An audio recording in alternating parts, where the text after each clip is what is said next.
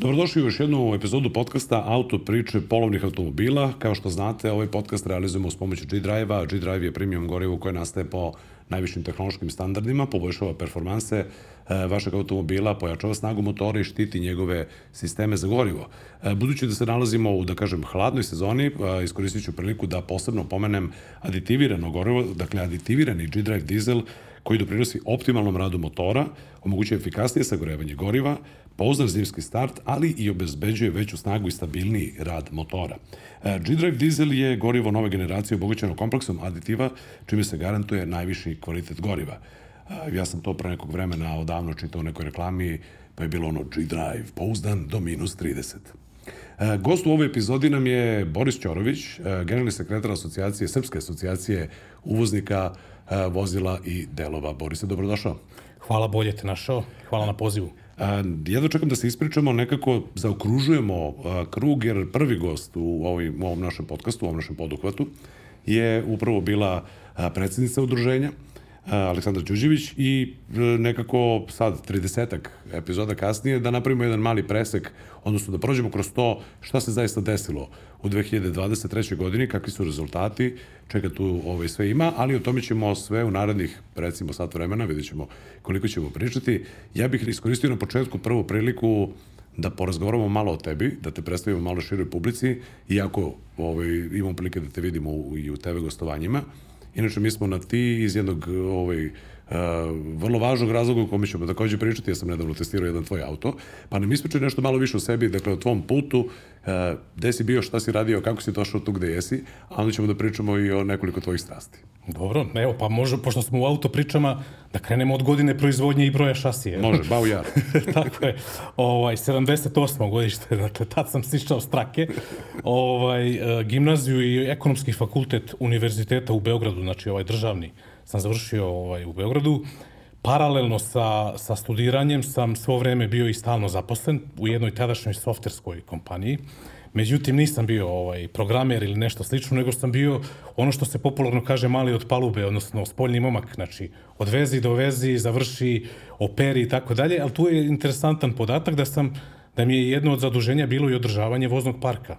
A vozni park je u to vreme, pričamo o 98. 9. 2000. to je bio vrlo zanimljiv. Nisam primera prve generacije. E, dve BMW sedmice E32, 750 IL i 735 i BMW E34 525i. Čovjek u raju, saznaćemo i zašto. Do kraja ove epizode, izvini što sam te Tako da ovaj, sam se brinuo između ostalog i o ovaj, voznom parku, servisiranju, održavao na vreme sve, pratio servise i tako dalje. Ovaj, e, pa posle sam, ovaj, kad, kad sam završio fakultet, uh, otišao u, na odsluženje vojnog roka, znači ona, ono klasično pod oružjem.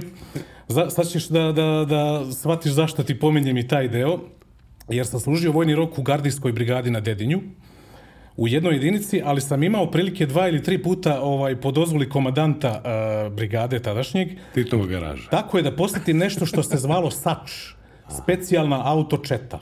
Dobro. Dakle, uživo sam video sve te Mercedese, Rolls Royce i tako dalje, ovaj, i video kako vojska to održava. To se, znaš i sam, vjerojatno redko koristi, uglavnom za neku reprezentaciju i tako dalje. Ali... Može, mo, vrlo moguće da je, kako bih rekao, nekoliko stotina puta više sklopljeno, raskopljeno i podmazano nego što je bilo Absolutno. upaljeno radi vožnje. Gledao sam svojim očima, znači svaki automobil ima tehničku knjižicu gde se beleži svaki ulazak i izlazak iz garaže, svako pranje, svako čišćenje i video sam takođe svojim očima, to mogu da ti ovaj, garantujem, vojne sanduke u kojima se, na primjer, za one Mercedes 123 koji su bili u pratnju, nalazi 25-30 e, setova kočenih pločica pet setova lamela. To je sve tada kad je nabavljano i kupovano, ovaj, kupljeno zajedno s tim. Kupljeno da stoji, kupljeno kao, ajde da kažem, municija. Jeste, tako je. Tako kao rezervni delovi. Tako je. Ovaj, e, tako da kad sam ovaj, završio vojni rok, Onda sam otišao u bankarstvo i tu sam proveo 13 godina u četiri internaci, ovaj, međunarodne banke, odnosno banke sa stranim vlasnicima, ali tako, to su sve domaće banke, gde sam ovaj, specializirao neku, neke instrumente plaćanja u spoljnoj i unutrašnjoj trgovini. Tu sam završio i neke obuke Evropske banke za obnovu i razvoj i, i Međunarodne trgovinske komore, dobio neke sertifikate iz tih oblasti i tako dalje. I onda sam 2018. godine vođen onom američkom da Treba menjati posao na Tako je svaki da 5 čovjek za vreme svog radnog veka ne samo da treba promeni više firmi, nego i više delatnosti. Tako da sam 2018. došao na poziciju direktora prodaje i marketinga jedne, jedne fabrike u Srbiji koja se bavi proizvodnjom poljoprivredne mehanizacije i distribucijom određene jedne marke traktora. E, tu sam imao prilike, dakle, kroz pet godina rada u toj firmi da se upoznam šta to znači serijska proizvodnja, što je vrlo bitno i za ovu poziciju ovaj, koju sada obavljam i generalno za automobilski sektor. Dakle, tu smo imali i uvoz, i izvoz, i proizvodnju, prosto jednu privredu u malom, koja mi je onako dala neko jako dobro iskustvo. Ovaj. I na kraju, u junu ove godine sam, da kažem, postrećilo mi se da, da, da počnem da radim ono što mi je blisko srcu, jel tako? Gde su članovi upravnog odbora Srpske asocijacije uznika mi dali poverenje da obavljam tu funkciju generalnog sekretara. Eto, mogu da pomenem samo kratko nešto o asocijaciji, ako verovatno znaš. Asocijacija je jedna od eh, onih koji imaju dugu tradiciju poslovnih udruženja u Srbiji. Osnovana je 96. godine od tadašnjih uvoznika premium brendova u Srbiji i evo punih skoro 28 godina postojimo. Imamo 29 članica i zastupamo praktično 40 auto brendova i 31 moto brend. Što je jako važno zato što upravo e, na osnovu toga imate i sve podatke o kojima možemo da pričamo, Tako znate je. sa čime se inače uvoznici suočavaju i kakve su statistike, nećemo ići do u broj, ali kako nam izgleda prodaja vozila, koja su to vozila, kako se menjamo u smislu, da kažem, pogona koji njih pokreće i tako dalje. A, Pre nego što pređemo na te, da kažem, ne suvoparne, nego upravo kažem, e, zanimljive podatke, jer hoćemo da zaokružimo, malo da vidimo kako je to izgledala ove godina, koja je evo na izmaku. E, hajde još malo da pričamo o toj strasti, e, prosto e, na ličnom planu, e, ljubav prema automobilima, znam ovo, ovo i mogu da, da, da, da, da napravim šlagvort, jer smo pričali već malo o tome. Kako počinješ ti da restauriraš u jednom trenutku automobile, E, koliko si automobila do sada, da kažem, restaurirao i posledovao u tom smislu old-timera, young-timera, možda malo više young-timera, šta je to što danas voziš, a onda ću ja da pričam o onome što sam ja testirao. Dobro, evo, ja bih samo napravio jedan mali uvod u ovu temu. U suštini je mene, me, otac, moj otac me zarazio tim virusom ovaj, automobila koji evo, traje i do dan danas, pa ću samo na kratko da se vratim u mart 83. godine. Ovaj, Sećam se da je bilo hladnjikao. Jeste, jeste. Mi smo živjeli, ja sam rođen u Crnoj Gori u Pljevljima i tad je već bio onako ozbiljan sneg u to vreme. Elen, tada je, otac je kupio tada a, novog BMW-a. To je bila ona prva trojka, pre kockice čuvene, znači E21. Inače, da znaš, verovatno i znaš, u stvari, krajem 82. godine je već najavljen E30. Međutim, BMW je nastavio da prodaje taj bazični model E20 jedinice 315 još celu 83. i pola 84. godine. Jer to je bio neki BMW-ova ponuda na to vreme, tu je bila blizu i ona naftna kriza i tako dalje, kao neki ekonomični i najjeftiniji BMW. Uglavnom, ovaj, tada je u Jugoslaviji bio zastupnik BMW-a Ljubljanski Tehno Union.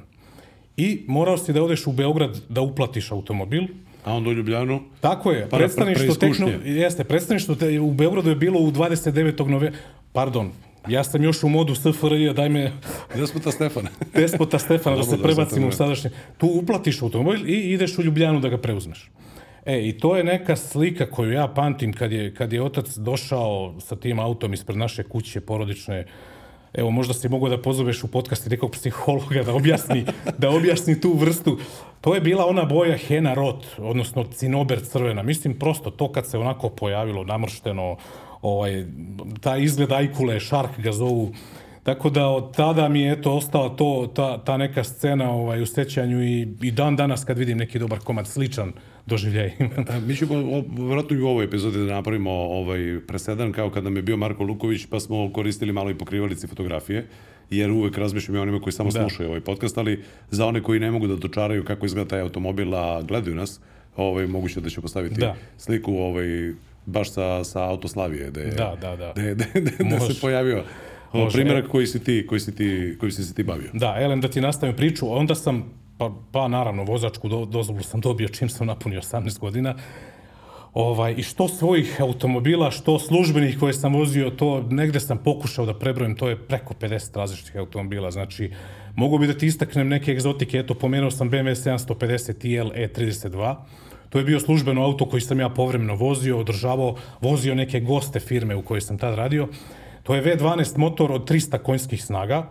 E, godina proizvodnje tog konkretnog je bila 88. Sad ti zamisli 88. godine motor od 300 konja u V12 rasporedu, to su ti praktično dva motora M20 Spojena. pod uglom od 60 stepeni ovaj, spojena, ali je bila zanimljiva i potrošnja tog auta. Znači, on je imao rezervoar od 100 litara.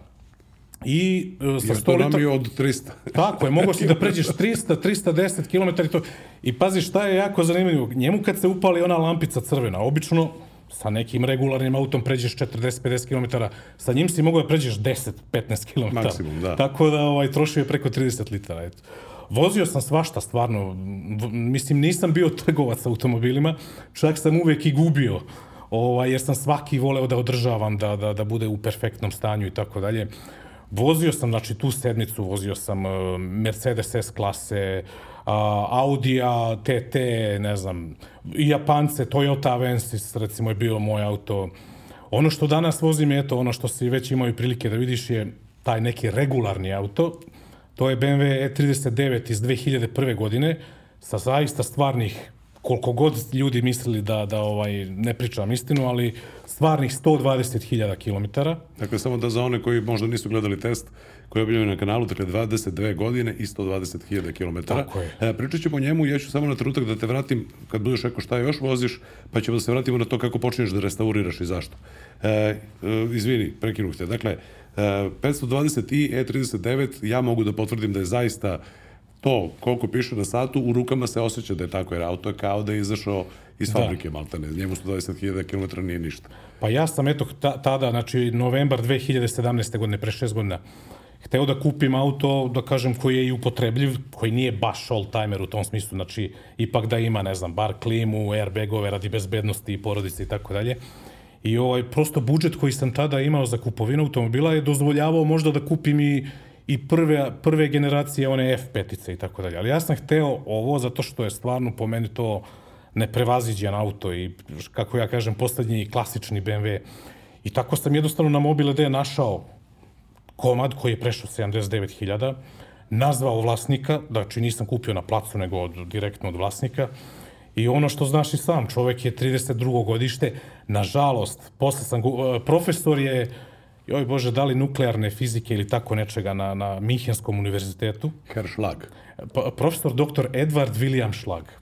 E, to znam zato što je u uputstvu za automobil, ono, fabričkom ostala i njegova vizit karta, a znam iz dokumenata kad sam kupovao auto prosto u briefu nemačkom i tako dalje, stajalo čak i njegovo... Da, piše i godište, obično tako to izgledaju ti nemački ovaj, papiri. čovjek je jednostavno koristio auto onako, penzionerski, povremeno, znači ona priča, vozila baka sa, jednom, sa desnom kraćom nogom, e ovo je bio muž. Tako da, eto, kupio sam to i to auto ima, mislim, život je hteo da čim sam ga kupio, mesec dana nakon toga sam praktično promenio posao i dobio službenu Škodu Oktaviju. I onda ne ide. Da okay, ga prodam, ovo je, vidi. Ovo je merak za dušu, to se vozi nedeljom, a ovo je ipak Pa da, mislim, službeno, pazi, službeno. da ga prodam tada, izgubio bih sigurno par hiljada evra, jer sam ja, u, po pitanju ekonomije, to je bila neracionalna kupovina, razumeš, toliko novca dati za taj auto. I ja sam ga onda, pošto imam garažu, stavio u garažu, ostavio i koristili smo ga porodično, kao i danas, evo, na, na, put, na duža putovanja. Znači, Kopaonik, Kragujevac, Budva, sve gde smo išli. Tako da sam ja za šest godina s njim prešao oko 40.000, od kojih ti garantujem da je 35-6 hiljada na otvorenom vožnju. Dakle, auto I održavan je perfektno, znači u ovlašćenom uh, BMW-ovom servisu u Delta 6 Plus na Novom Beogradu, sve onako kako piše, znači kako je proizvođač napisao ovaj, i antifriz. Kao u onoj vojnoj knjižici koju smo pominjali malo pre i sača. eto, eto, otprilike, otprilike tako. Ok, mogu da potvrdim, evo kao što kaže moja majica, nov, nov, nov, stvarno, ovaj, Da. stvarno tako, tako izgleda. A, e sad, pored tog BMW-a ti imaš još jedan zanimljiv automobil. Jeste. Imam Mercedes čuveni W120, 124. I ja se nadam da ćemo da ga vidimo na kanalu polovnih automobila čim temperatura dozvoli, Hoćemo. odnosno na proleće 2024. Pa vidi, on zimi- Vidi, 24. 124. to je to. Da. Numerološki to je to. On zimi miruje, on je ušuškan isto u jednoj garaži. Ovaj, inače, mogu da ti kažem da da sam, mislim, taj automobil je neopravdano onako nosio neku titulu gastarbajterskog automobila i šta ja znam. A u mom slučaju, e, filozofija Mercedesa je svaćena tek posle 40. godine. Mislim, totalno jedan drugačiji, znaš i sam verovatno koncept od, od BMW-a i tako dalje. I, I to je jedan komad, os- isto 88. godište, 200 benzinac. Međutim, šta je interesantno, to je motor e, sa karburatorom, sa fabričkim karburatorom Pirburg 2 EE. I ono što je zanimljivo, što ti pokazuje kako je Mercedes i u to vreme razmišljao, a, kontrola i upravljanje na tim karburatorom je elektronska. Dakle, ona, klapna usisa, ler ventil i tako dalje, kontroliše kompjuter.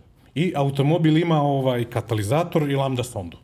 Iz 80. Iz 88. Znači, karburatorski motor koji ima kompjuter, katalizator i lambda sondu. To je M102 motor, inače, samo su bili u više izvedbi. Bili su oni K-Jetronic sa ubrizgavanjem, sa sa čuvanim problemom K glave i tako dalje, ovo je karburatorski. Eto, tako da imam i taj automobil, ovaj, on nije restauriran u tom nekom temeljnom smislu, jer je kao baza bio dobar sa limarijom i interijerom, a ja sam mehanički to utegao onako da bude perfektno i da je stvarno jedno uživanje. Ja ga zovem onako žargonski kralj autoputeva i magistrala. I dakle, ovaj, samo da sad utvrdimo, dakle, E39 voziš šta, subotom, kad je lepo vreme, a ovaj voziš nedeljom. Pa, prilike.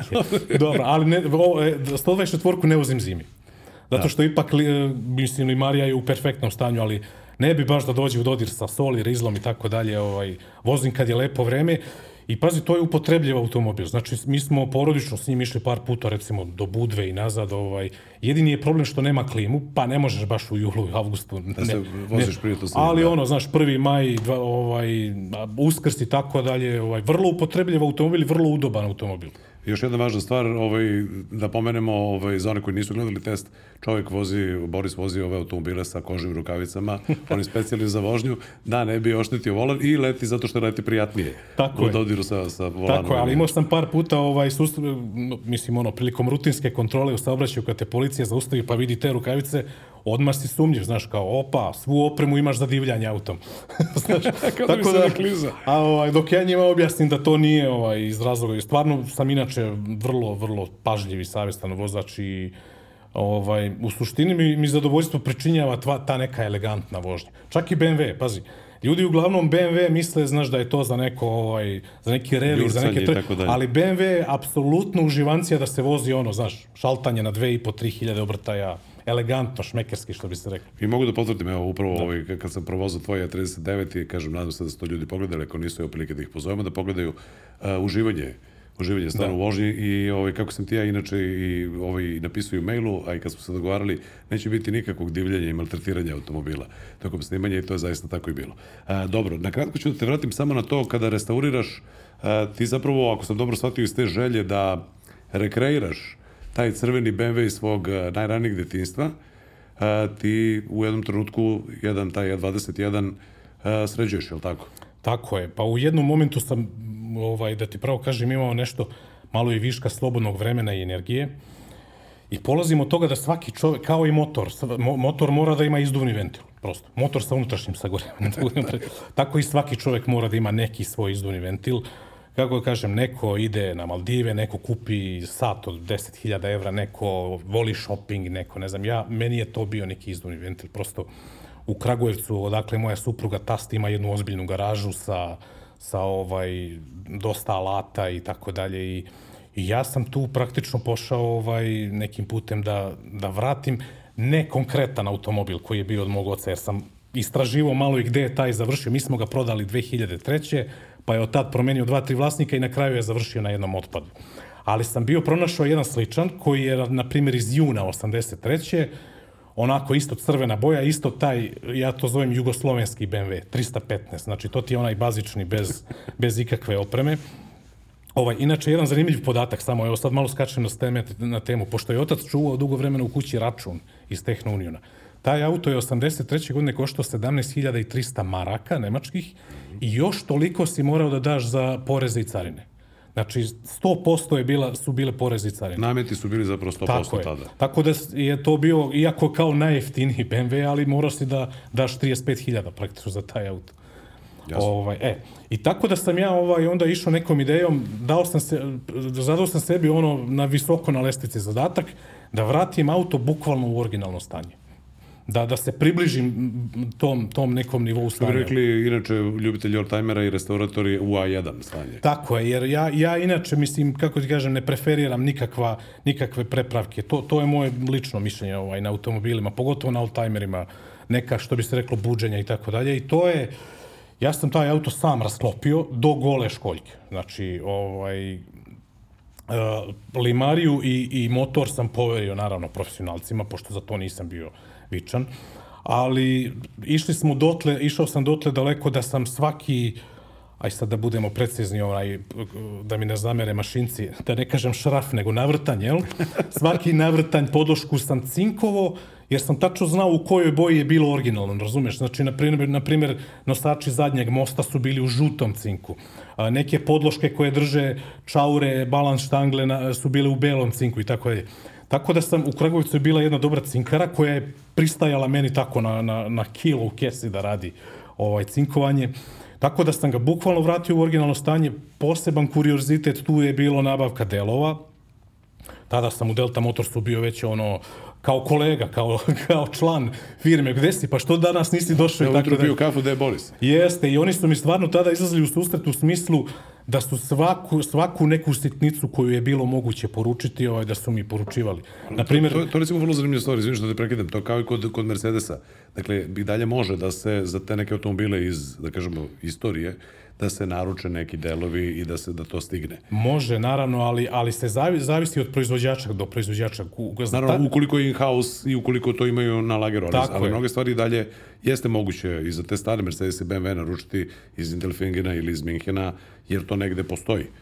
Tako je, tako je. Ovaj, kod BMW-a recimo, znaš šta, problem je recimo dosta stvari iz interijera su problem da se poruče, ali što se tiče mehanike, a, štop svetla, farovi, žmigavci i tako je, to apsolutno može se poručiti, naravno, prilično košta, ali, ali ovaj, u suštini možeš da se naručiš, stiže ti za 7-8 dana i tako dalje.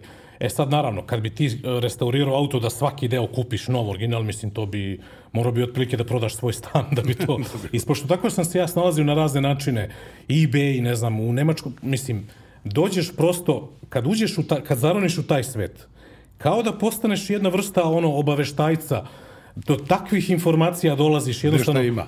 Mogu da ti ispričam jednu, jednu anegdotu, evo, kad sam radio motor, to je onaj čuveni M10 BMW motor. Inače, to je motor koji je BMW u upotrebi imao od 67. 8. do 88. On je bio u E21, u, u 2000 dvojci, u E30, u E12, u E28 i tako dalje. E, ja sam tako došao do informacije da postoji čovek ovaj, negde u Bariču, isto jedan deda, koji je pre desetak godina hteo isto da restaurira svoj 315, da tako dalje, i koji ima kod sebe ovaj ceo set novih delova za reparaciju motora.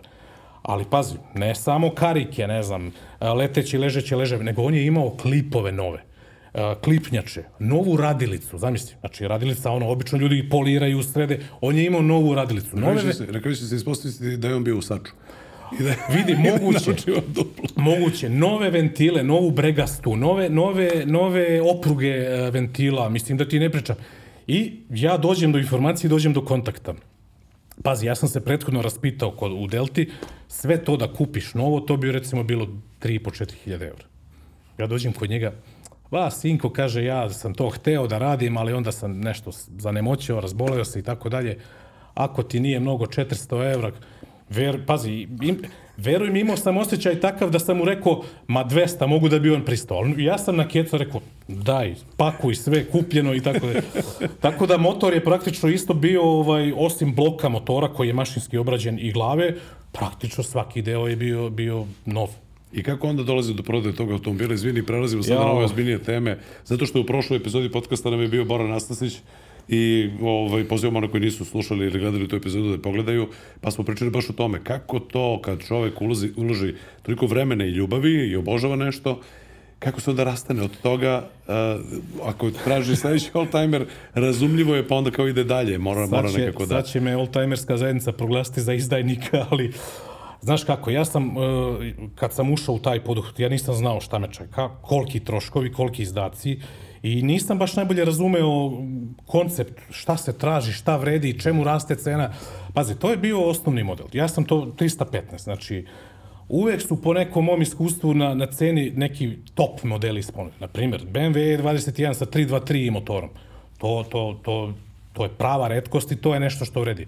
Čuvena kockica 325, Mercedes 124 Coupe ili ne znam, kabriolet koji je napravljen Dakle, nije svaki koji je, da Jeste. kažemo, u dobrom stanju, dobra osnova, nije svaki zanimljiva roba kasnije zato što nije neki poseban Jeste. motor ili motor koji je tražen. Tako je, ali gledaj, ja sam, kako ti kažem, bez obzira na to, ja sam doveo taj proces do kraja, dao novca koliko sam dao i tako dalje, ali posle mi je, veruj mi, e, dve godine nakon toga, nakon završetka je bio kod mene. Imao je, ima, imao je garažu, naravno, i ja sam to povremeno vozio, išao sam par puta i u rodna pljevlja s njim i tako dalje, ali veruj mi da mi je više predstavljao neku strepnju, opterećenje, nego, nego neku, jer sam razmišljao čoveče, ako te samo neko očeše, ogrebe, razumeš, pazi, on ima onaj hromirani branik iz tri dela. Centralni deo i one takozvane, zovu ih brkovi, oni bočni deo. da. Vidi, taj branik košta nov. Zašto nov? Zato što e, postoje razne varijante priče da se nikluje, galvanizacija, cinkovanje i tako dalje. ali Veruj mi to, ja još nisam čuo primjer da posle dve, tri godine nije, nije izgubio taj sjaj. Znači, nov taj branik košta, verovo ili ne, hiljadu i po evra. I sada treba izaći s njim u saobraćaj Slušaj. i odande ide merchandiser, da kažem, sa puntom, koji je položio ovaj, možda pre dve i po godine, e, čačka telefon, a žuri negde. I pazi, tu je veliko pitanje sad, recimo da te čukne u branik. Da li bi tebi osiguravajuće društvo dalo hiljadu i po evra za branik star 40 godina? Verovatno ne, nego bi ti rekli ide druže na otpad, a nema ih više ni na otpadu, pazi.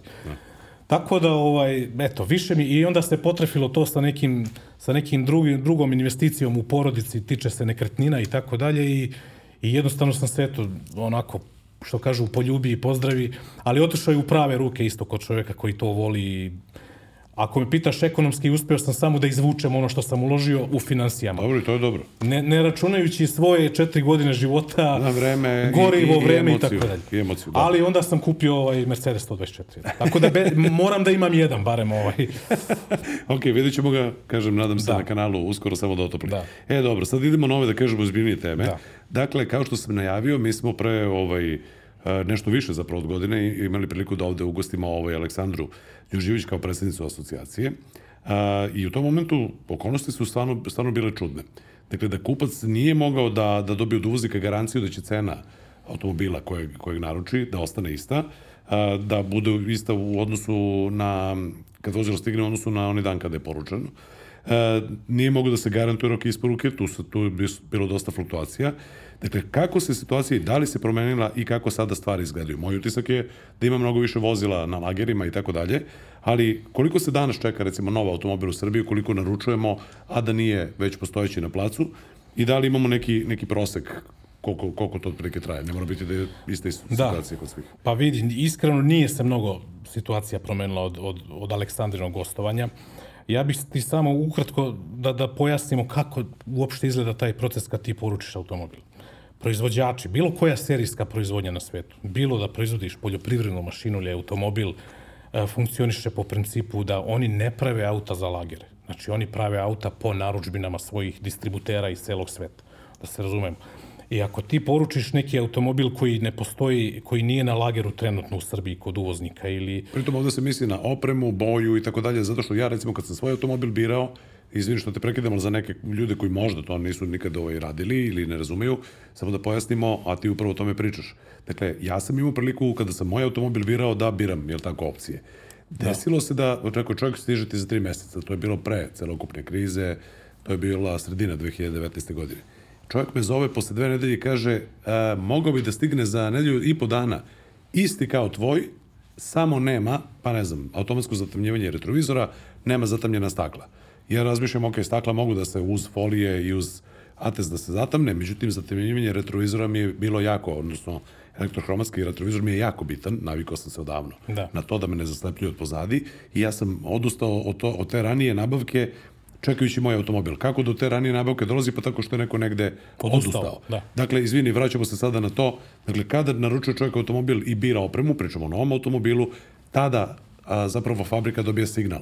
Želim tu i tu jedinicu sa tim i tim, tim i tim, tim i tim delovima, odnosno tim i tim kodovima da ima u sebi.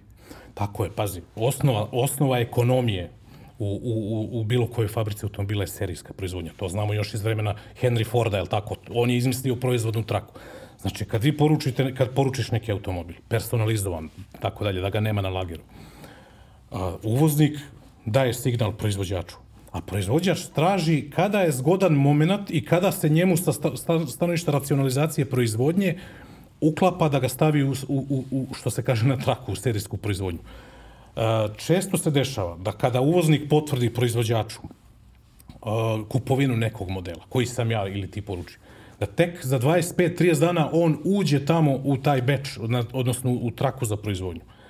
Pa dok se napravi, pa dok se testira, dok prođe sve kontrole i tako dalje, dok dođe u Srbije, zavisi sad odakle, pazi. Imaš još jednu situaciju koja utiče.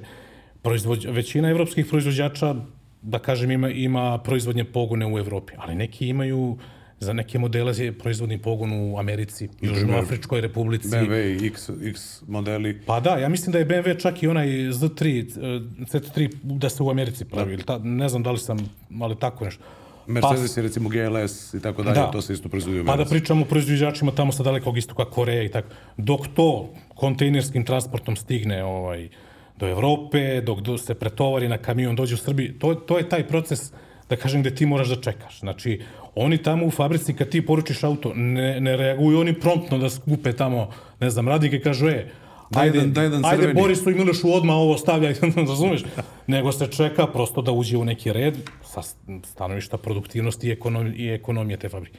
Tako da vidi, danas neko zavisi stvarno od proizvođača, od proizvođača, ali za neke modele negde između 60 i 90 dana je neki prosek. Ja sam juče baš pripremajući se za emisiju se čuo sa, sa, sa našim članicama i uvoznicima i to ti je neki prosek. Negde ide čak do, do, do 180 dana, negde može da se dobije i za 50, 60 dana, ali prosek je od 60 do 90 dana. E sad, svi oni, vidi, svi oni se trude da da predvide otprilike, zna se koji modeli dobro idu. Zbog koji... da objasnim, dakle, kako se desi da nešto postoji na lageru? Tako što dobar prodavac Tako je. zna šta će moći da proda, pa, šta da. mu je traženo i onda kada kažemo i kada je reklama kaže određena količina ili imamo vozila na lageru, isporuka odmah, to se radi o unapred naručenim modelima koji su sa nekim paketima opreme koje su e, prodavci po svom iskustvu birali znajući šta će najvratnije moći da prodati, odnosno šta je to što ide. Kao što recimo kada pogledaš na polovnim automobilima i potražiš kodijak sa sedam sedišta, barem pre godinu i po dana izađu ti dva.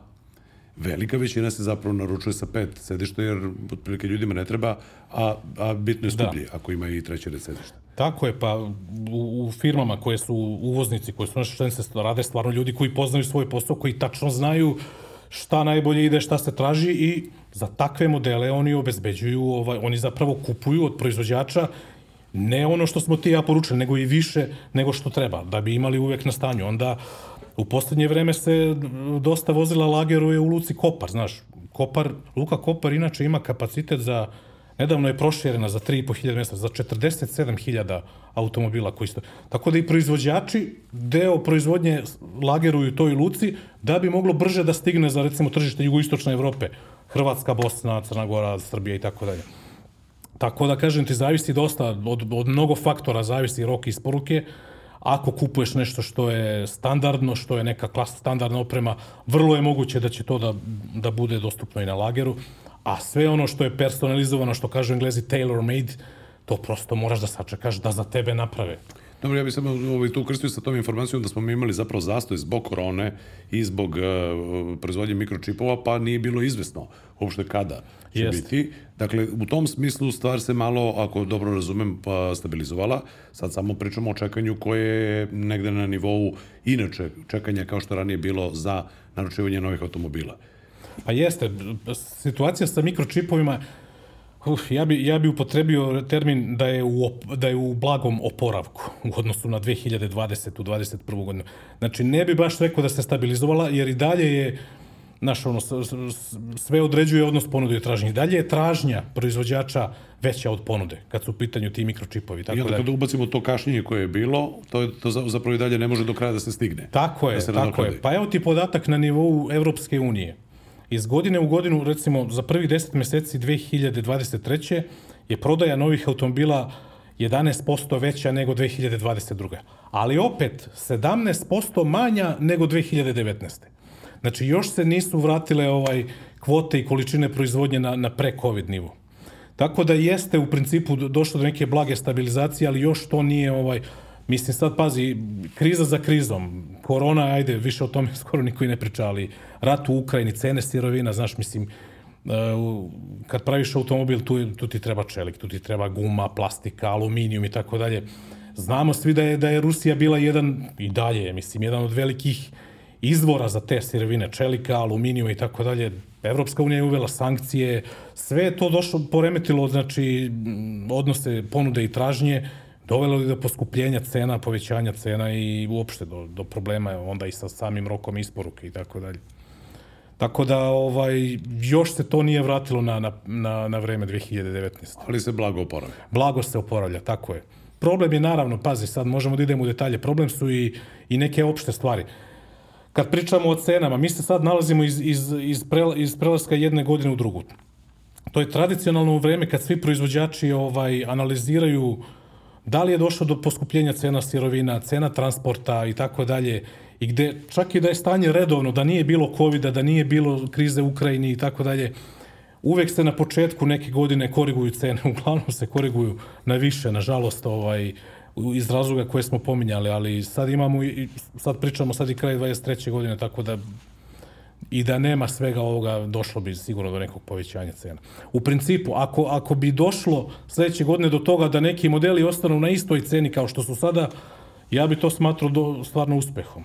Ok, sad što se tiče polovnih automobila, prodaj polovnih automobila je već dugo u padu, a sa druge strane, e, pomalo iznenadila informacija da je skočila ta prodaja novih vozila, Kako da tumačimo taj podatak? Da li to zato što se stabilizovalo, kažeš nije dalje na tom istom nivou, e, ali ljudi nekako, kako bih rekao, više kupuju. Imali smo inače rast cene polovnjaka kad je krenula COVID kriza, jer prosto promenio se vid transporta. Bilo je jedan put nemoj da ideš u grupni transport, pa su poskupili polovnjaci u Nemačkoj, pa su poskupili posledično i ovde, jer ih, da kažem, bilo ih je manje, jer su ljudi želeli da kupe da kupe ovaj, neko lično vozilo, da investiraju pare na taj način, a da se ne voze nekim vozom, metrom, autobusom ili avionom, ili prosto nisu mogli da se, da se voze. Kako to možemo da prokomentarišemo? Pa znaš kako, kad su u pitanju novi automobili, tačno je statistički da je prodaja porasla 6% u odnosu na, na prvih 10 meseci 2022. godine. Međutim, ako, mi, ako pogledaš apsolutne iznose, znači, otprilike ova godina će da se završi sa nekih 30.000 prodatih novih vozila, od čega je jedno 5.000 lakih komercija. Znači, ako pričamo o putničke automobila, to je 25.000 uh, jedinica. To, rast od 6%, to ti je rast u odnosu na prethodnu godinu, znači za nekih koliko? 1000 i po automobila.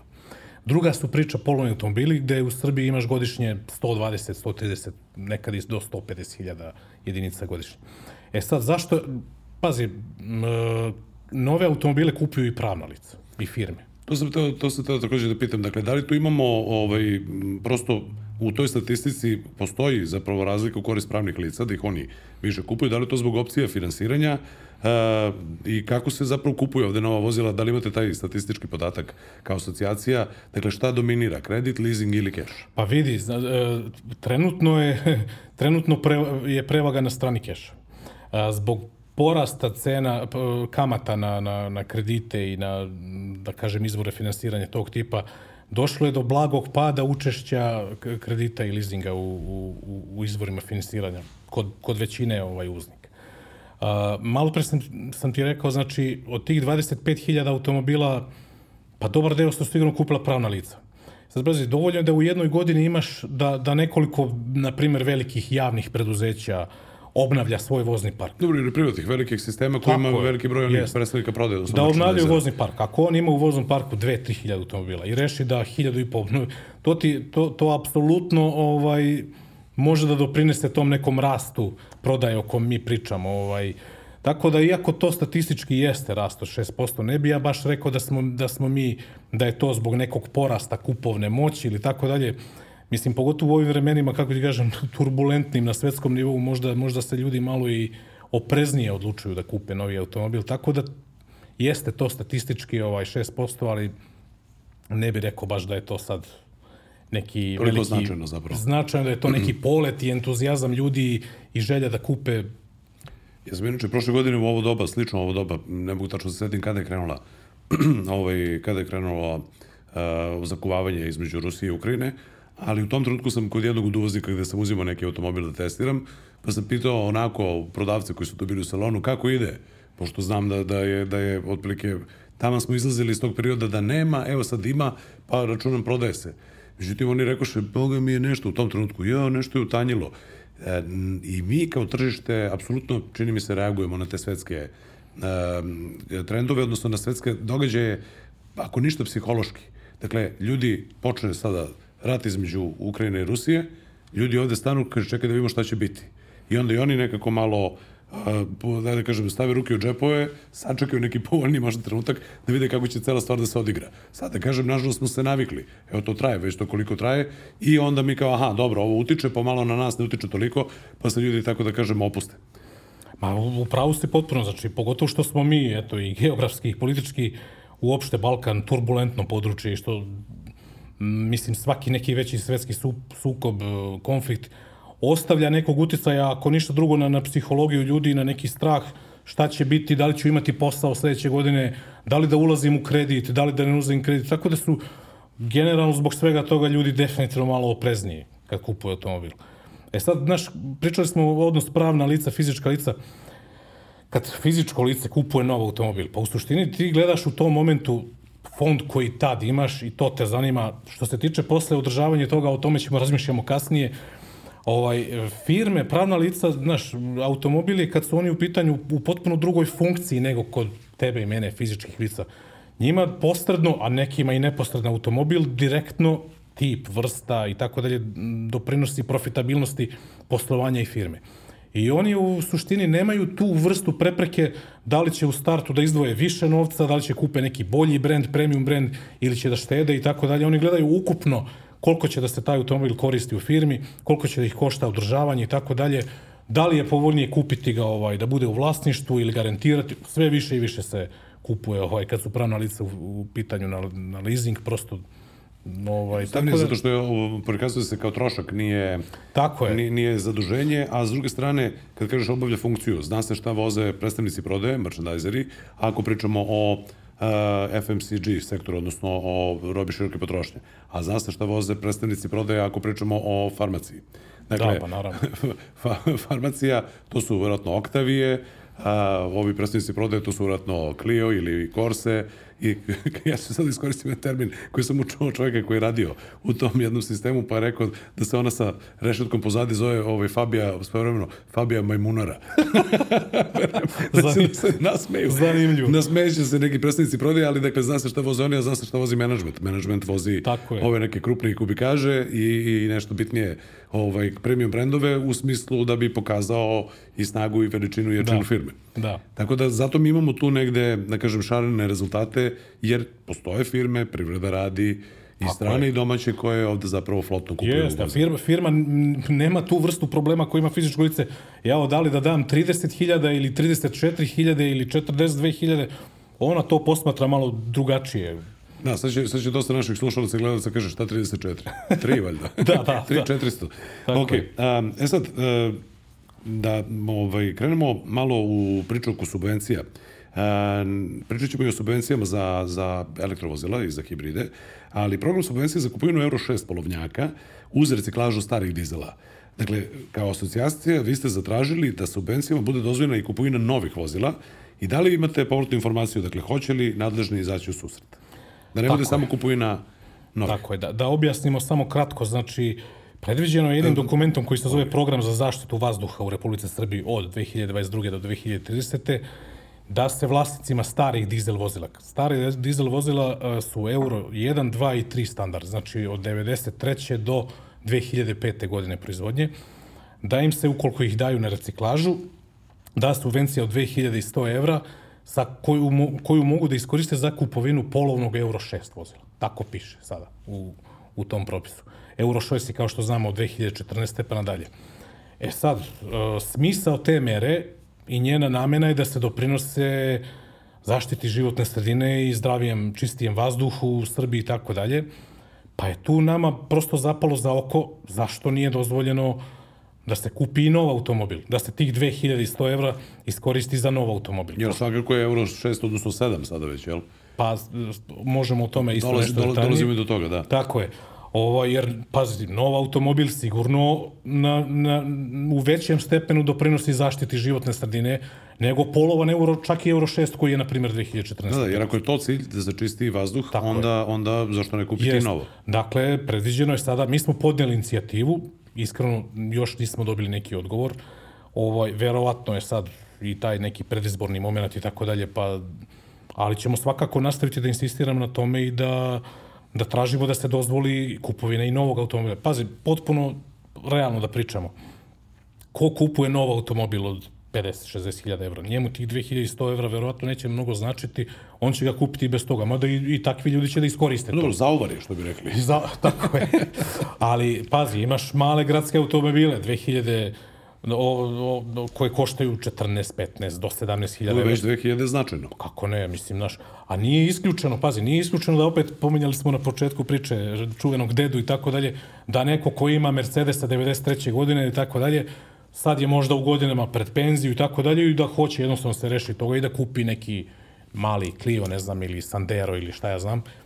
Tu, u toj u, u varijanti 2100 evra izuzetno znači čovjek.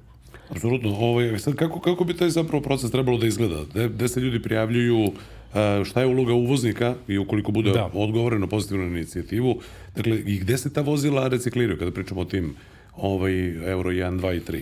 Pa pazi, nije još e, po tom, u tom dokumentu, pomenuli smo program za zaštitu vazduha, je definisano da će, definisani su učesnici u lancu, ko šta tu treba da uradi, tako da je. Tu je definisano da Agencija za bezbednost saobraćaja treba da osmisli mehanizam kako će to da funkcioniše u praksi. E, to još nije urađeno, ali pretpostavlja se da će biti vrlo brzo urađeno, jer sa tom merom je trebalo da se počne, barem po najavama, već od 1. januara. Da li će biti neki kašnja? Verovatno hoće, ali mehanizam još nije napravljen, ali ovo je sad, kako da kažem, krajnje moja pretpostavka. Mislim, da ne, da, da ne uzmu ljudi da će to biti baš tako, ali... Dakle, nije stav ni asocijacije, nego logički zaključuješ Logički kako bi trebalo da bude, dobro. Pa ništa, dovezeš svoj stari dizel u jedan od reciklažnih centara u Srbiji. Verovatno će tom uredbom ili propisom biti definisano tačno koji su to centri. Jasno? I onako sa, oplačeš ga, vidiš kako ulazi u one, da kažem, jel, valjke i tako dalje, u presu i dobiješ potvrdu da si ga, da si ga dao na reciklažu, ta potvrda ti je praktično neki voucher u vrednosti od 2100 evra. Sa tim, moja pretpostavka, opet kažem, sa tim dokumentom dođeš kod prodavca automobila, bilo da je neki plac da kupuješ polovan euro 6, ili ako se dozvoli novi, i jednostavno ti oni na prodajnu cenu oduzmu 2100 evra, ti njima daš taj papir, taj dokument, a oni će posle verovatno taj dokument proslađivati ministarstvu financije ili kome već njima i da? dobijati refundaciju za tih dve. Mislim, verovatno je to krug neki koji... Znači, u suštini ti nećeš za svoj stari dizel vozilo, vozilo od reciklera dobiti 2100 evra na ruke. To sigurno. Dobit ćeš neku potvrdu. S kojom se posle dalje... ti ako kupiš auto od 15.000 evra, tebe će onda košta 12.900. Uvoznik će tih 2100 re, refundirati od, od Ministarstva financija. Verovatno će se ići na taj način. Dobro, ovaj, vidjet ćemo kako će to da, da, da, da ide da. dalje. E sad, uh, pričat ćemo ovaj, uh, i o elektrifikaciji generalno, ali kada pričamo o subvencijama za električna vozila, uh, kada je bila ovde Aleksandra u svojstvu, kaže predsjednice asocijacije, pričali smo o tome kako, koliki je tu zapravo iznos ukupan i kako to funkcioniše. Tada je ona jedan apel ovaj, takođe imala da se to, uh, ajde da kažem, poveća, zato što postoji veliko interesovanje ljudi da prelaze na električna hibridna vozila. Evo nedavno je na kanalu polovnih automobila ja sam testirao MG4 i neko od eh, naših gledalaca primetio u a, komentarima. Ja pa ništa niste rekli o subvenciji. Meni ni ni prodavac nije ništa napomenuo za subvenciju, zato ja nisam ni pomenuo, a budući da smo pred kraj godine to snimali, a, bilo mi je jasno da vrlo verovatno da nema više sredstava u fondu. Dakle, šta su planovi što se tiče a, subvencija za, za električna i hibridna vozila i kako to funkcioniše? Da li se tu nešto, da kažem, promenilo zato što je bilo dosta, ako sam dobro razumeo Aleksandru, čudno to funkcionisalo. Dakle, bude velika navala u pr prvom delu godine, ta sredstva budu odobrena, nestanu, bude ih, gde smo sada, koliko će to, koliko će to biti u narednim da. godinama i šta se dešava? Pa dobro, prvo, prvo da, da pomenemo da ni jedna država u Evropi nije uspela da uđe u taj proces elektrifikacije, odnosno obnavljanja voznog parka ekološki prihvatljivim vozilima bez subvencija. Tako da mi apsolutno nismo izuzetak od toga. Do sada, sa tim subvencijama se u Srbiji počelo 2020. godine. I one su iz godine u godinu, znači 20. 21. 22. 23. rasle. Budžet je bio ja mislim te prve godine 150 miliona dinara, pa još 150, pa dali 200. Uglavnom u 2023. godini je budžet bio 293 miliona dinara. Po informacijama koje imamo, to je apsolutno potrošeno, što govori o tome da raste interesovanje za, ta, za, ta, za, za električna vozila i hibridna, pošto kao što znaš, subvencijom možeš da kupiš e, potpuno električni, plug-in hibrid, ovaj klasični hibrid, čak i mo motor, motocikl, moped i tako dalje. E sad, ono što, je, što nas zabrinjava i što, što je nije nešto čemu se baš radujemo, ja sam nedavno uspeo da prosto sa sajta Narodne skupštine Republike Srbije downloadujem dokument koji se zove Zakon o budžetu Republike Srbije za 2024. godinu. Pa sad dobro, to je malo širi dokument, ali kad dođeš do te stavke, to se zove subvencije za kupovinu ekološki prihvatljivih vozila, ja sam tu video da je za 2024. godinu predviđeno 170 miliona dinara, što je dakle skoro milion evra manje nego u 2023. godini. To je ono što stoji u tom zvaničnom dokumentu. Sad vidi da li će možda tokom godine nekim rebalansom ili ne znam čime izme, to biti povećano. Mi ćemo se svakako zalagati za to i planiramo čim se bude formirala, da kažem, neka buduća vlada Srbije, ovaj, da, da pokrenemo tu inicijativu i, i razgovor sa nadležnjima. Jer a, delo je nelogično da se iz godine u godinu taj iznos povećavao, I da onda sad I da je uvek bio ide... potrošen, pazi. Da. Znači, to si pomenuo u pitanju. Dakle, trenutno je, da kažem, budžet potrošen za 2023. godinu. I sad je totalno nelogično da, da umesto da se to povećava, jer se da, mi približavamo, tako je, mi se približavamo polako toj čuvenoj 2035. godini. To, će, to možemo kasnije pomenemo. Znači, on je sad, dakle, za milion evra manji. Tako da to je nešto što nas nije baš obradovalo i gde ćemo sigurno podneti neku inicijativu ili barem da razgovaramo sa nekim odlaži, da se barem vrati na nivo iz 2020. Možda smo malo čas pričali o subvencijama za, za, za Euro 6, možda se tu krije zapravo deo tih para. Kao čekaj da ćemo i ovamo, mislim sad da to nisam gledao nikakav nacrt, da ali nekako bi meni nelogično da, ako već vidimo to interesovanje i potrošili se u prvom delu godine, da to da. neko sada smanji. Vidi, ja stvarno ne pretendujem da, da, da sam neko ko može da sagleda budžet Republike Srbije na celovit način. Možda i postoji neki opravdan razlog zašto je to ovaj, smanjeno za milion evra, ali opet... Ali po interesovanju vidimo da bi bilo zgodno da bude više. Da bi zgodno da bude da, više, jer se sve potroši. Razumeš? A ovo što si pomenuo, pazi, namena tih subvencija za reciklažu, kako sada stoji stvari da se kupi polovan Euro 6 automobil ili evo čak i da se usvoji ovo naše nov. Ali nov verovatno će biti ciljna grupa upravo neko ko kupuje Clio, Fiat, ne znam, neki manji automobil i tako dalje. A ovde je namena znači da kupiš potpuno električni automobil ili hibridni i tako dalje, gde ti zagađu, gde ti na, doprinosiš za, zaštiti životne sredine, praktično ne zagađuješ sredinu u kojoj živiš. Tako da ne verujem baš da je razlog smanjenja to što će da budu i ove subvencije. Dobro, meni je to onako, samo sa kraju da. da zaključujemo kao, pa i ovde ćemo malo da. čistije da živimo, pa kao ekološki yes. prihvatljivije vozila nekako je srodno. Ako to neko tamo, neki birokrata gledao... Dobro, naravno, pazi, mi, ja sam potpuno realan. Mi moramo da uzmemo u obzir, naravno, a pričamo o električnim automobilima, to, to su skupe igračke, da se razumemo. Mi mora da uzmemo u obzir, naravno, i kupovnu moć stanovništva i tako dalje. I zato mi, kad smo podnijeli inicijativu za izmenu ove uredbe za reciklažu, mi nismo tražili da se izbace iz, iz, iz pravila ovaj kupovina polovnih automobila, nego samo da se dodaju dve reče. Kaže, može kupi polovan Euro 6 ili nov. Znači, treba prosto živeti u realnom svetu. Ne, mislim, kupovina novog automobila je većina ljudi i dalje nešto što je, što je nepristupačno i nismo mi za to da se prekine sa, sa subvencionisanjem i, i tih polovnih Naprotiv, automobila. da se otvori mogućnost šira da ako slučajno se steknu uslovi da. za kupovinu novog da se, da se tako, tako kupi. je, tako Dobre. je. E, sad samo da pomenemo još jednu stvar. Šta je problem? Problem je malo, to je ono o čemu je Aleksandra pričala prošli put, ta procedura. Znači ima tu dosta nekih stvari koje su, da kažem, i nelogične i tako dalje. Mislim, jedna od njih je da, da moraš da imaš u tom momentu ovaj, vozilo na lageru. Znaš, tako da... Da bi mogla da bude, bude odobrena subvencija, da ne bude, mislim, naručit ćemo ga iz bilo kog razloga, ako ti kupac odustane, tebi to vozilo ostaje na lageru, a to nije nešto što je, da kažem, ono što, se, što može brzo se prodati. To nije... Iskoristit ću ne, ne, neispravno reč, ali lako prodadljivo.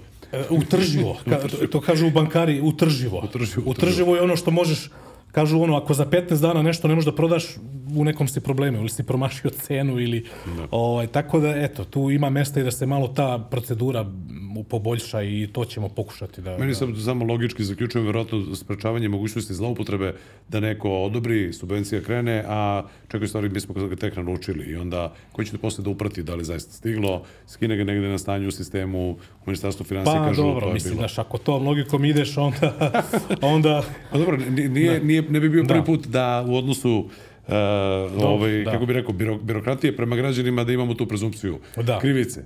Hajde ti meni dokaži da si ti sve ovo uradio kako treba, pa ću onda. Da. ok, e, pomenuli smo Euro 7, Borise. E, prosječan vozač je verovatno zbunjen količinom a, informacija o tim silnim promenama koje slede. A, jedna od stvari jeste uvođenje Euro 7 standarda, što bi zasigurno poskupilo opet nove automobile za krajnje korisnike. Sad, kakve su poslednje informacije? Da li je Evropska unija odustala od primjene Euro 7 do 2025. Pardon, od 2025. e, ili se i dalje ide ka tome?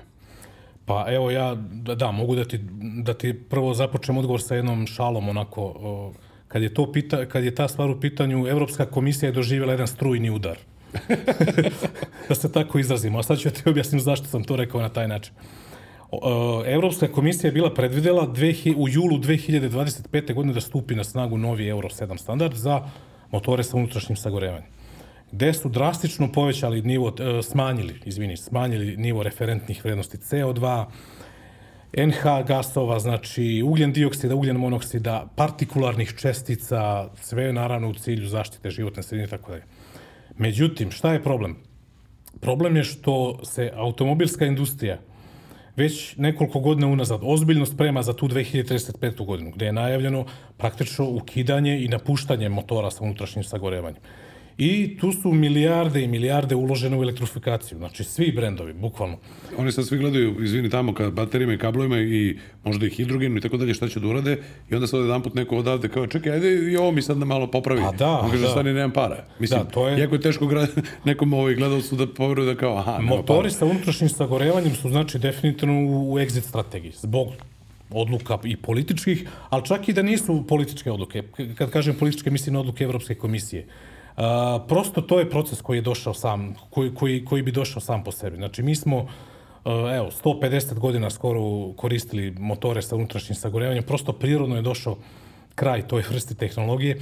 E sad, šta se dešava? Da se vratimo na temu. Znači, to je kao sad kad bi tebi neko rekao da nešto čega hoćeš da se otarasiš, da li automobil ili nebitno, ili, ili cipele i tako dalje, da u to što hoćeš da se utarasiš moraš da investiraš novac, da, ne znam, poboljšaš svojstva, karakteristike i tako dalje. Tu se e, automobilska industrija jako pobunila, digla glas i čak osam država, gde, među kojima je Francuska i Italija, zajedno sa svim ključnim proizvođačima su, da kažem, protestovali zbog te odluke, jer su smatrali da je neracionalno da im se nameću takvi standardi. Za Euro 7, pritom standard je, mislim, mogu da ti kažem kratko da je taj inicijalni predlog Euro 7 standarda predviđao taj takozvani OBM, on-board monitoring, znači da 200.000 km automobil mora da ima iste referentne vrednosti kao kad je tek izašao sa trake. Što bi se i kontrolisalo, je li tako, na tehničkim pregledima. Takođe, To bilo ne je... znam ko bi mogao da garantuje to. to je, Tako je. Ta, a, sa Euro 6 mislim da je 100.000, ovde su digli na 200.000 i takođe su predvideli na tehničkim pregledima merenje e, emisije, jer pazi, životnu sredinu ne zagađuju samo izduvni gasovi, nego kočnice, na primjer, imaju... Tako je, koliko se zapravo u trošenjem kočnica, koliko čestica oslobađaš u vazduh. Čak i gume. Te, te mikroprašine. Tako je. Jeste, partikularne čestice i to je bilo predviđeno da se meri na tehničkim pregledima, pa se bilo u jednom momentu postavilo pitanje čime će to da se naš, mislim, razvoj ne, sa, ne samo u investiranju u tehnologiju automobila, nego, Nego i tehničke preglede. Znači, svaki je, će morati merne- da ima vazdušni tunel, Jeste. malo da ga izloži vetru 130 na sat i da neka mreža iza skuplja. Otprilike tako. Mikročestice. I pazi, 20, mislim nekog, 23. 4. septembra je Evropska komisija popustila. I doneli su odluku da se, pazi, Euro 7 standard će da stupi na snagu i on će se zvati Euro 7. Ali za automobile M1 i N1, znači za putnička vozila i za laka komercijalna vozila, će praktično ostati na snazi referentne vrednosti iz Euro 6 standarda.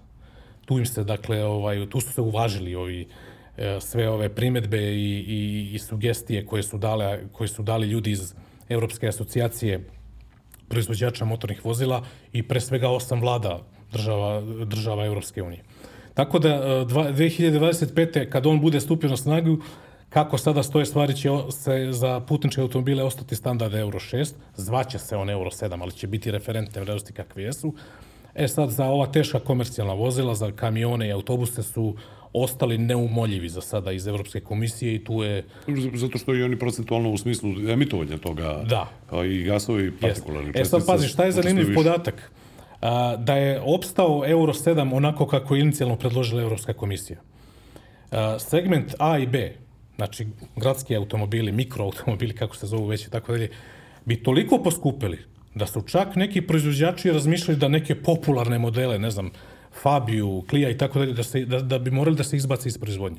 Zato što ih ne bi ljudi kupovali po toj ceni. Oko 4000 evra su, su rekli ovaj, iz Evropske asocijacije proizvođača automobila bi, bi poskupili mali, eh, segment A i se- segment B.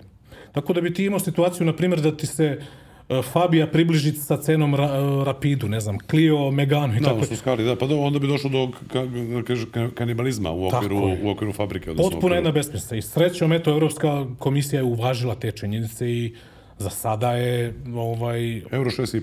Euro 6 Ver, version, version 2. Version to V2. Ok, a, pomenuo si upravo kako se pripremaju proizvođači za tu 2035. i za nultu emisiju.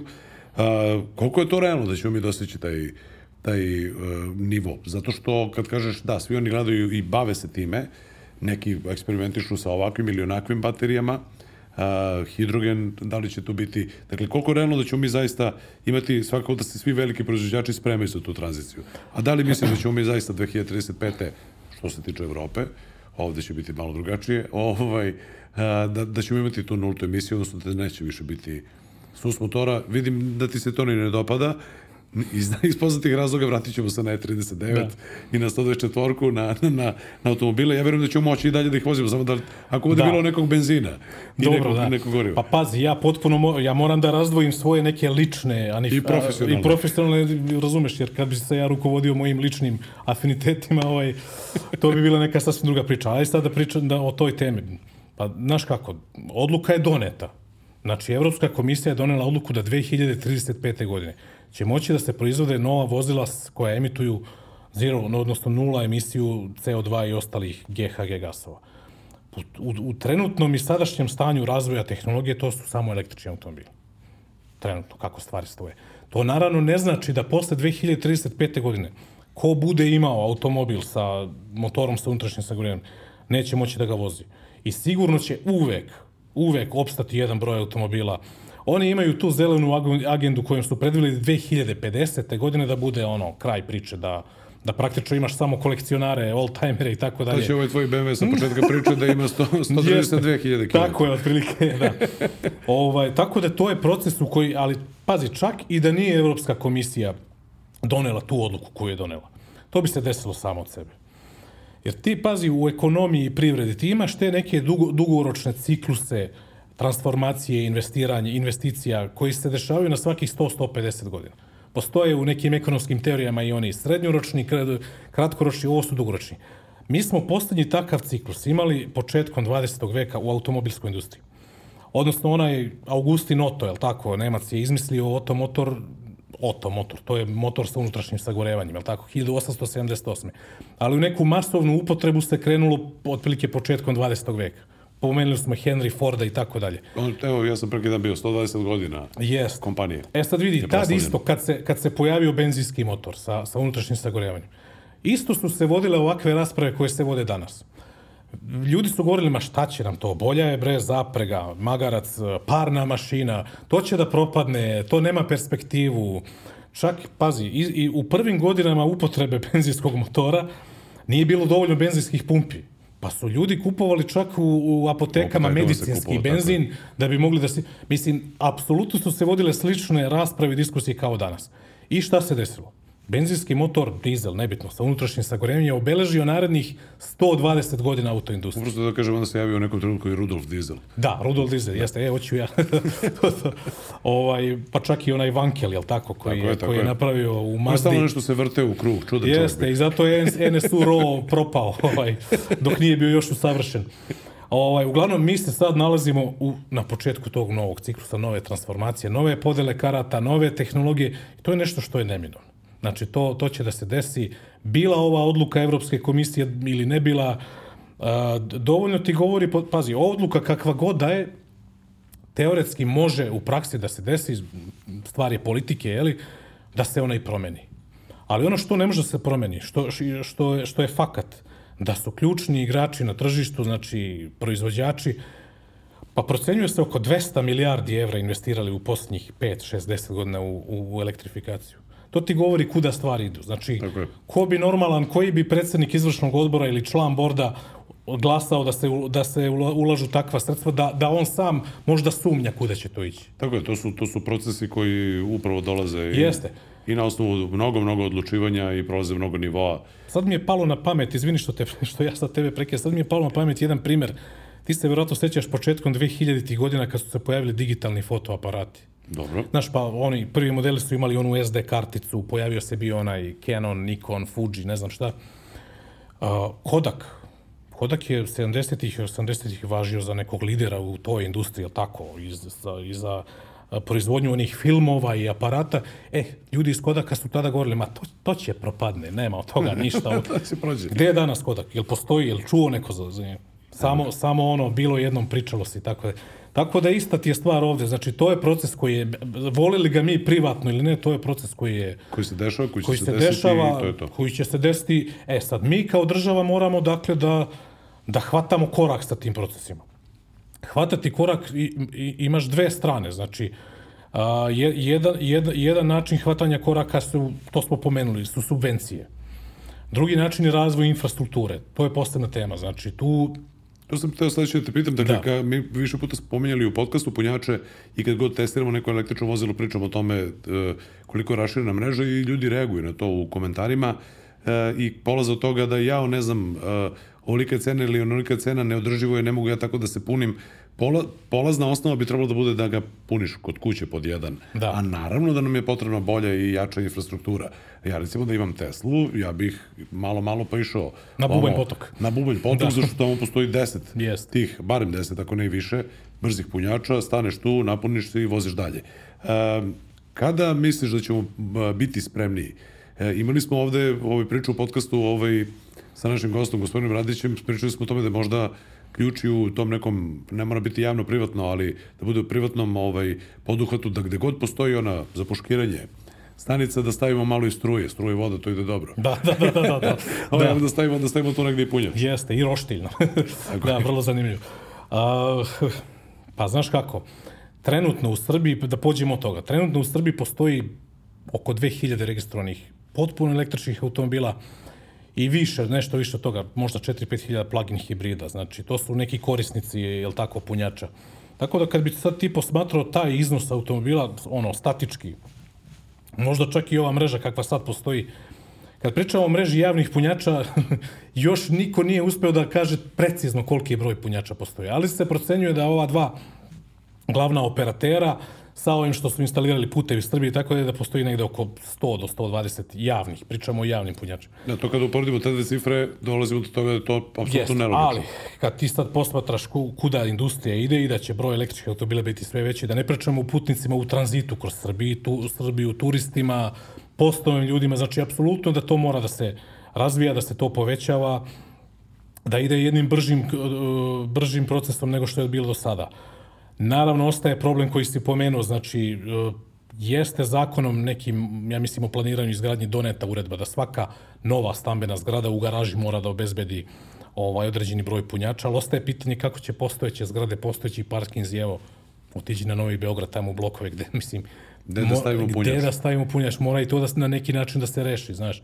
Ovaj, tako da mora da se ide u brži razvoj. Sad, ono što je aktuelno, što raduje da stvari idu u tom pravcu i tu smo imali razgovore sa nadležnim ministarstvom da se da je u toku ovaj tender znači za pretvaranje nekih 16 odmorišta na autoputevima u zelene stanice, odnosno da se bira kompanija koja će biti finansijer, koji će praktično dati putevi Srbije u zakup na 15 godina ta, ta, ovaj, te prostore, da ih pretvore u zelene stanice, da instaliraju minimum 5 DC brzih punjača po jednom odmorištu, znači to ti, sa dva priključna mesta. Tako da očekujemo, ako Znači, to... idealno 10 automobila u istom trenutku se puni. ako se to stvarno sprovede u delu na... Međutim, šta je tu bitno? To je ono što smo mi skrenuli pažnju. Nije poenta samo staviti punjač, bilo kakav punjač. Mi kao asocijacija tu upravo možemo da budemo i jesmo pouzdan partner nadležnim da se stave punjači takvi da se izbegnu neke greške država u okruženju. U bliskom našem Pošto okruženju. se kasno uključujemo, imamo prilike da vidimo Tako ove je, daj da učimo jednom bile. na tuđim greškama, jer će skuplje da nas košta ako, ako promašimo, da kažem, A šta bi bilo jedna od glavnih grešaka? Šta treba A da se na primjer da se stave modularni punjači.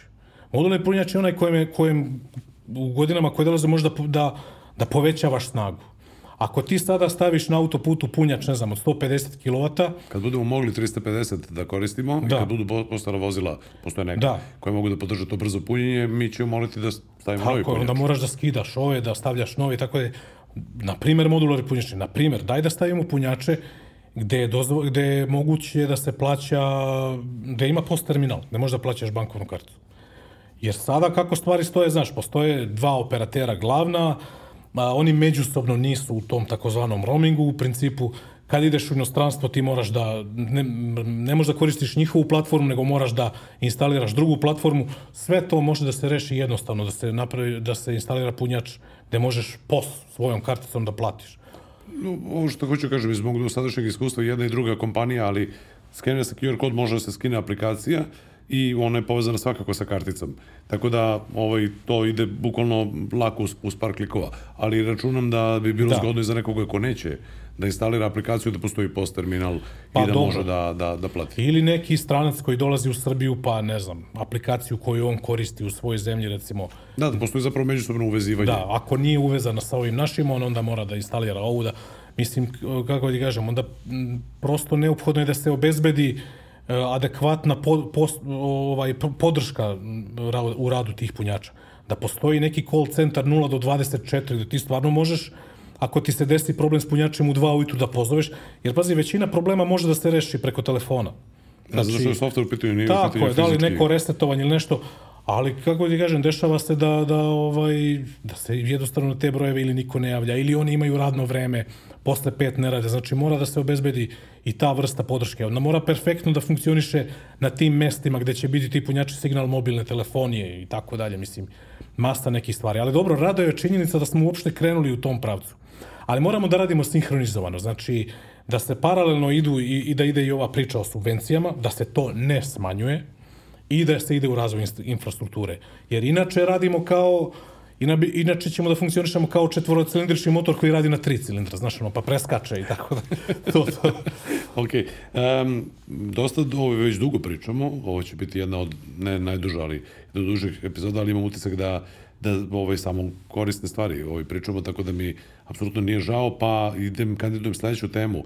I dalje smo u struji. Koliko zapravo je pretnja EU tržištu a, Kina, u tom smislu električnih vozila? Meni je baš jedan prijatelj bio skoro na, na sajmu u Kini i kaže da tamo za 30.000 evra a, može da se kupi automobil koji je ala Tesla, koji je potpuno opremljen, apsolutno luksuzan, ima neki sjajan domet i košta ukupno 30.000 evra tamo. I pričajući i razgovarajući sa, sa nekim tamo od, od predstavnika prodaje, kad ćete doći u Evropu, neki od njih ni ne planiraju da dođu u Evropu, jer im je dosta. Da. Ovaj, dovoljno im je kinesko tržište. Dakle, da li tu postoji pretnja? I evo, i mi smo svedoci na našem tržištu, pa i na našem kanalu smo više nekih kineskih vozila uh, ili vo, fabrika koje su sada u vlasništvu kineskih kon, koncerna ovaj, testirali.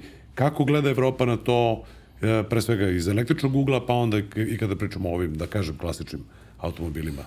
Pa kad su u pitanju električni automobili, način kako je reagovala Europska komisija ti sam po sebi govori kolika, kolika je to pretnja. A kako je reagovala? Najavila je neke sankcije, ne sankcije, nego uvođenje carina i tako dalje, jer tvrde valjda da subvencije koje kineska vlada daje proizvođačima elektronskih automobila nisu u skladu sa, ne znam, nekim evropskim pravilima i tako dalje, najavili su uvođenje carina, mislim. Čim neko pokuša, da kažem, administrativno političkim merama da se bori ovaj, to govori da ne može tržišnim merama da se bori. Pa sad to otvara ceo krug pitanja, znaš, mislim, da li će onda njima Kina da uvede kontra carinu za nešto što je njima bitno i tako da i tu onda nema kraja, znaš. Tako da definitivno jesu pretnja, oni definitivno mogu da naprave automobil koji će da košta sasvim pristojne kvalitete, koji će košta ispod 20.000 evra. E sad, ljudi kad kupuju ovaj automobile, kad su u pitanju automobili sa istoka, znači Kina i tako dalje, mora da se uzme u obzir ipak celokupna priča, znači da li, da li ti proizvođači nude postprodajnu podršku kakvu nude evropski proizvođači, da, kakva je raspoloživost delova, transport, uh, uh, servisi, da li imaju adekvatne servise za te modele i tako dalje. Tako da bi ja malo ipak bio obazriv kad su u pitanju ti modeli, bez obzira što će da ovaj cena bude sigurno konkurentnija nego u odnosu na evropske modele. Dobro, i ovi sada postojeći sa sus motorima ili hibridi koje, koje imamo na našem tržištu, a, ovde ih zastupaju firme Da. koje da. su već dugo tu i zastupaju druge neke evropske brendovi, otprilike gde god a, će biti servisi ne znam, a, Forda, Hyundai, tu će najvjerojatnije biti za Jeste. Cherry, gde god je servis Kia i eventualno Volvoa, bit će i Gilia. A, gde god je servis pomenutih prvo Forda i tako dalje, bit će i za MG u perspektivi. Hoću da kažem, Da. barem što se tiče naše zemlje, ja nešto ne vidim da će tu biti neki veliki, veliki problem. Ma A da. opet, dosta su zanimljive te garancije, dakle, 7 godina ili 150.000 km, to je nekad po tome bilo poznata samo, čini mi se, Kia.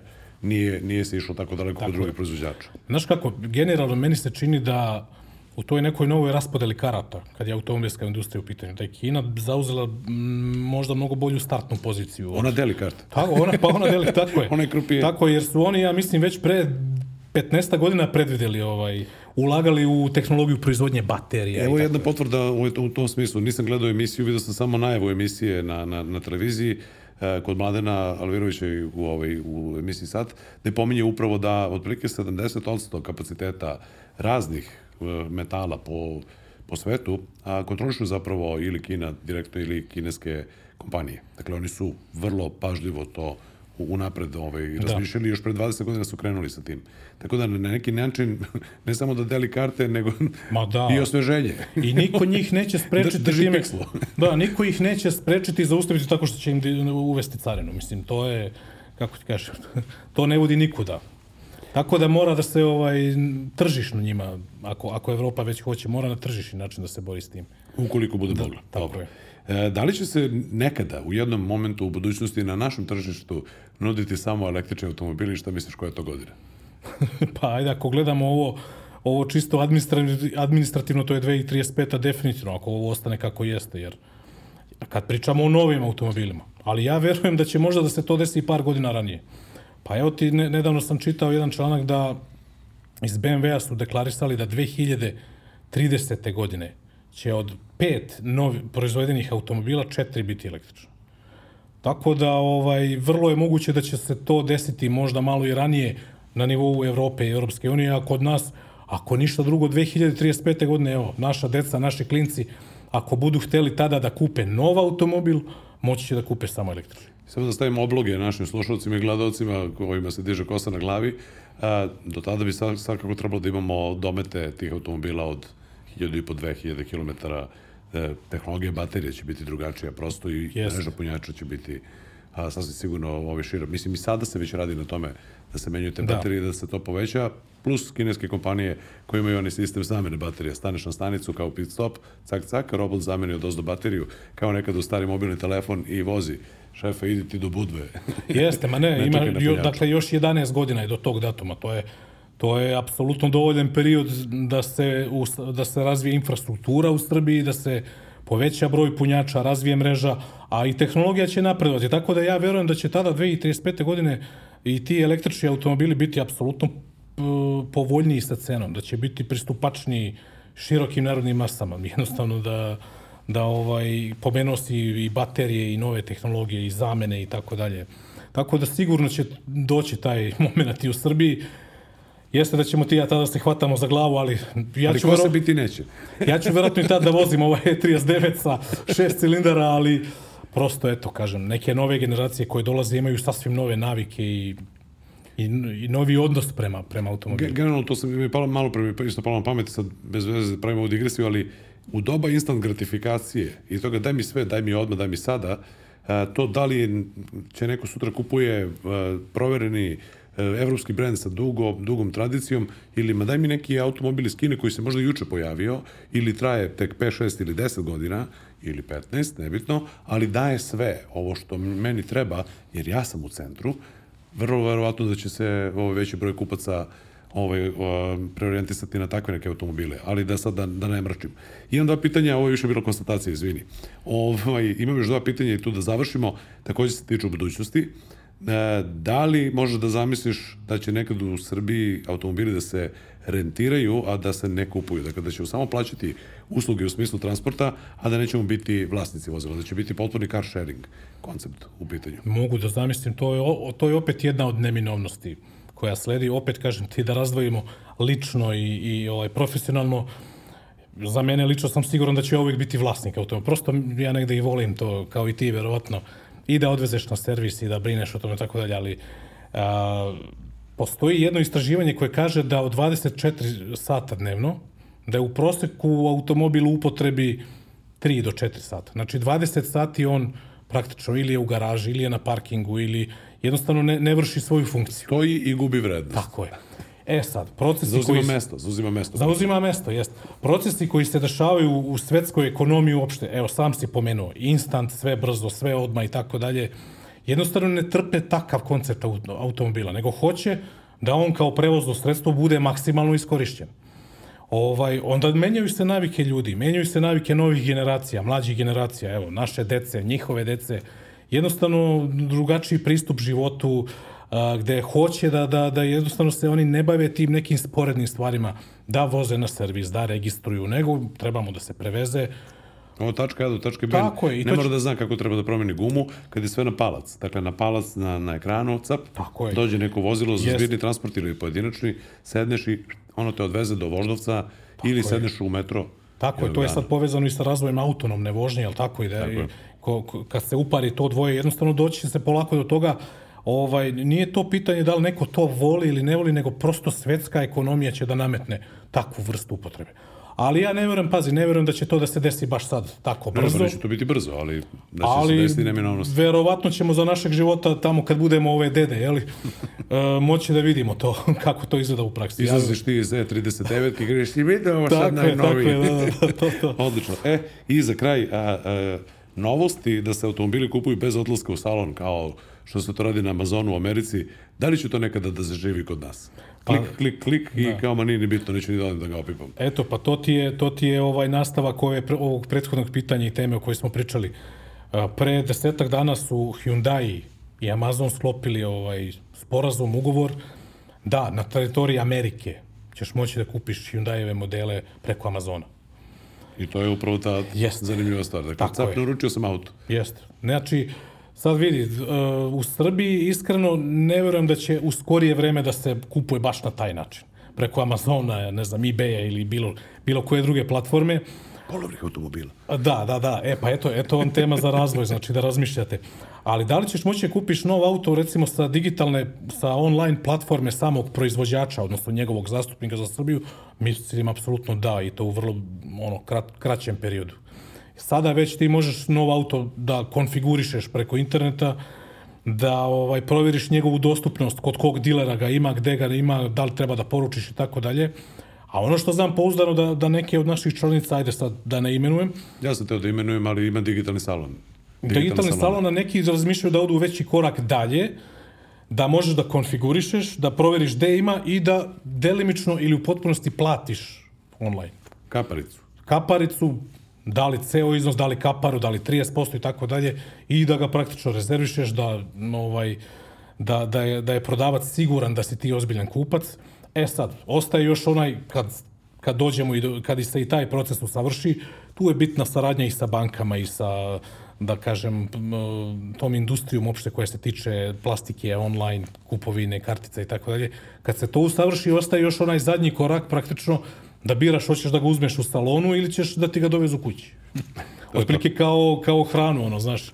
Take away, odnosno delivery. Tako da do, doći će to i ovde, ne verujem, kažem, u formi Amazona tako brzo, ali se ide u tom pravcu, to je prosto neminovno. Sad me ova kovanica ovaj, po- po- potakla, ako nas gleda sada i sluša Dušanu Zela, samo da kažem ideja za sajt kaparica.com.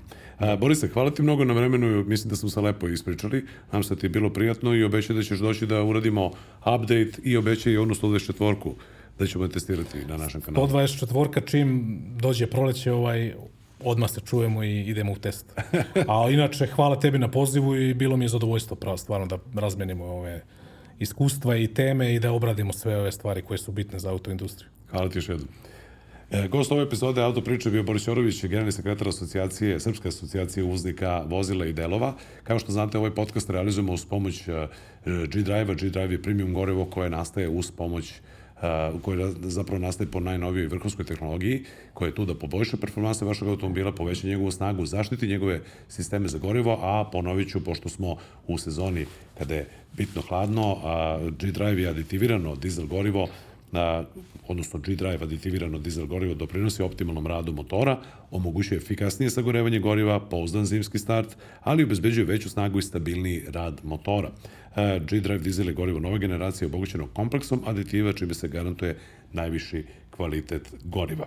Hvala vam još jednom na slušanju, još jedna epizoda je podcasta Auto priča polovnih automobila. Slušamo se na svim audio platformama, a slušamo i gledamo na našem YouTube kanalu i naravno ne zaboravite like, share i subscribe.